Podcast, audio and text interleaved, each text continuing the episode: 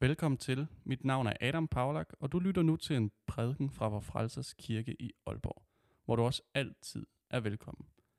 Jeg håber, at du uanset hvor du er nu og hvad du er fyldt af i dag, må få et øjebliks pause og fred midt i en travl verden. Må Gud være med dig og velsigne dig med sin kærlighed. Det vi skal lytte til i dag fra Johannes evangeliet, og det passer så ikke, når jeg kigger ned. Matteus evangeliet, det er faktisk vaske ægte verdens historie fra verdens allerførste nadver. Og det vil vi sidde her og lytte til. Vi får lov til at tage del i den fortælling. Da det blev aften, satte han sig til bords med de tolv. Og mens de spiste, sagde han, Sandelig siger jeg jer, en af jer vil forråde mig. De blev meget bedrøvet og begyndte en efter en at spørge ham. Det vil ikke mig, herre. Han svarede dem, det er ham, som med hånden dyppet i fadet sammen med mig, der vil forråde mig. Menneskesønnen går bort, som der står skrevet om ham, men ved det menneske, som menneskesønnen forrådes af.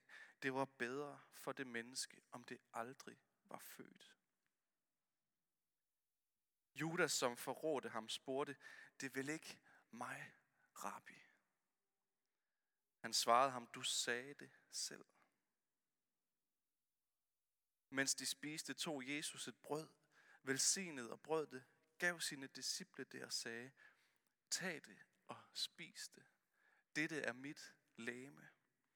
Og han tog et bære, takkede, gav dem det og sagde, drik alle heraf. Dette bærer er mit blod, pagtens blod, som udgydes for mange til søndernes forladelse. Jeg siger jer, fra nu af skal jeg ikke drikke af vintræets frugt, før den dag jeg drikker den som ny vin, sammen med jer i min faders rige. Amen. Alle gode fortællinger begynder med et måltid. Eller det er selvfølgelig ikke helt sandt, men der er alligevel noget over det, når vi hører fortællinger fra Bibelen.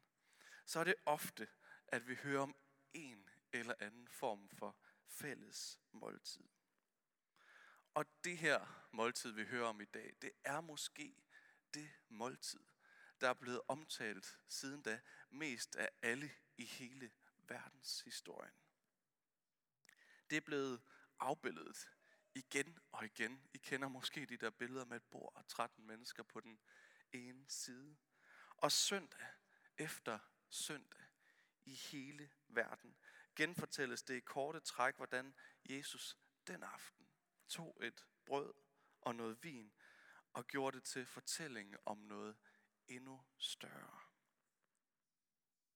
Og så er det også fortællingen om, hvordan et menneske, vi er kommet til at kende under navnet Judas, bukket under for sin træng til penge, magt og omdømme. Judas er blevet eksemplet på det brutale forræderi. Men det er som om, der alligevel er noget ved fortællingen om Judas, som har potentiale til at lære os noget den dag i dag. Judas var en af de mennesker, der havde brugt de sidste mange år af sit liv på at følge sammen med Jesus. Han havde set Jesus gøre alverdens utrolige ting. Han havde fået lov til at mærke, hvordan det var at være tæt på Jesus. Han var blevet mødt på en måde, som kun ganske få personer i verden nogensinde er blevet mødt på. Og alligevel så gik det galt. Han kunne ikke lade være med at forråde Jesus. Det lykkedes ham faktisk ikke at træffe den beslutning om at blive i fællesskabet på den rigtige side. Og på trods af det, på trods af at Jesus vidste, at Judas ville gå imod ham, så holdt han aldrig nogensinde op med at elske Judas.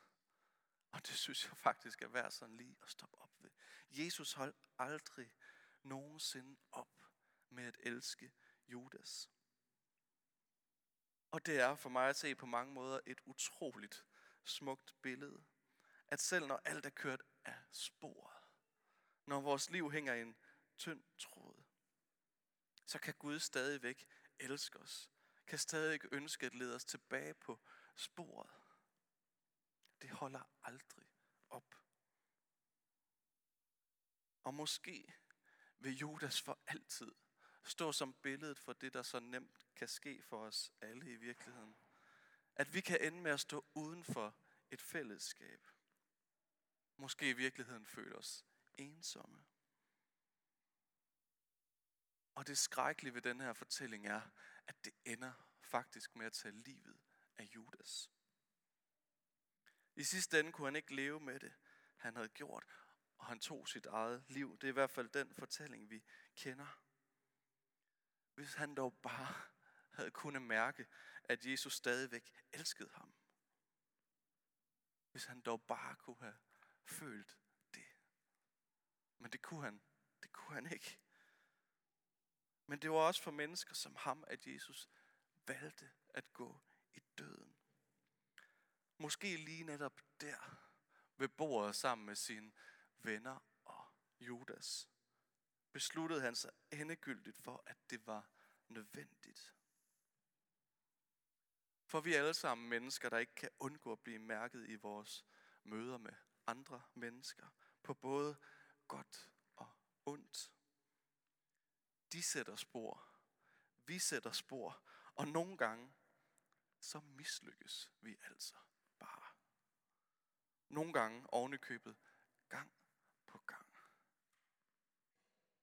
Og så kan vi virkelig for alvor have brug for at vide og huske, at Gud aldrig holdt op med at elske Judas. Og blandt andet derfor, så inviteres vi faktisk søndag efter søndag til nadver, for at blive en del af et fællesskab af mennesker, som alle sammen mislykkes med noget eller nogen. Og derop der sidder vi, side om side, med alle mulige, der er mærket af livet. Og lige der bliver vi mødt af Gud, der inviterer os ind i en relation med hinanden og med sig.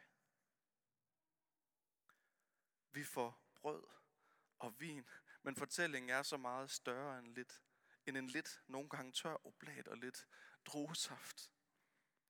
Jeg har ikke talt på, hvor mange gange jeg efterhånden har prøvet at hælde noget i bæret med ordene. Det der Jesu Kristi blod. Og så hører en lille barnestemme viske eller sige, det er det ikke. Det er bare saft. Og på sin vis, så har de ret. Det er bare saft, og det er bare brød. Men det er også så uendelig meget mere end det. Det er faktisk vores mulighed for igen og igen og igen at blive sat ind i et fællesskab. Vi er som skabt til at høre til i. Sammen med Gud og med andre smukke og smadrede mennesker. Og efter dage, hvor alting bare er gået galt, eller måneder, eller år, hvor vi ikke har fået udrettet det, vi gerne ville. Uanset hvor meget vi så end har prøvet, men alligevel er mislykkes, så har vi brug for at blive lidt tilbage igen og igen og igen og igen. Hvis bare Judas havde fået lov til at opleve det, som vi får lov til at opleve søndag efter søndag. Kan vide, hvad der så var sket.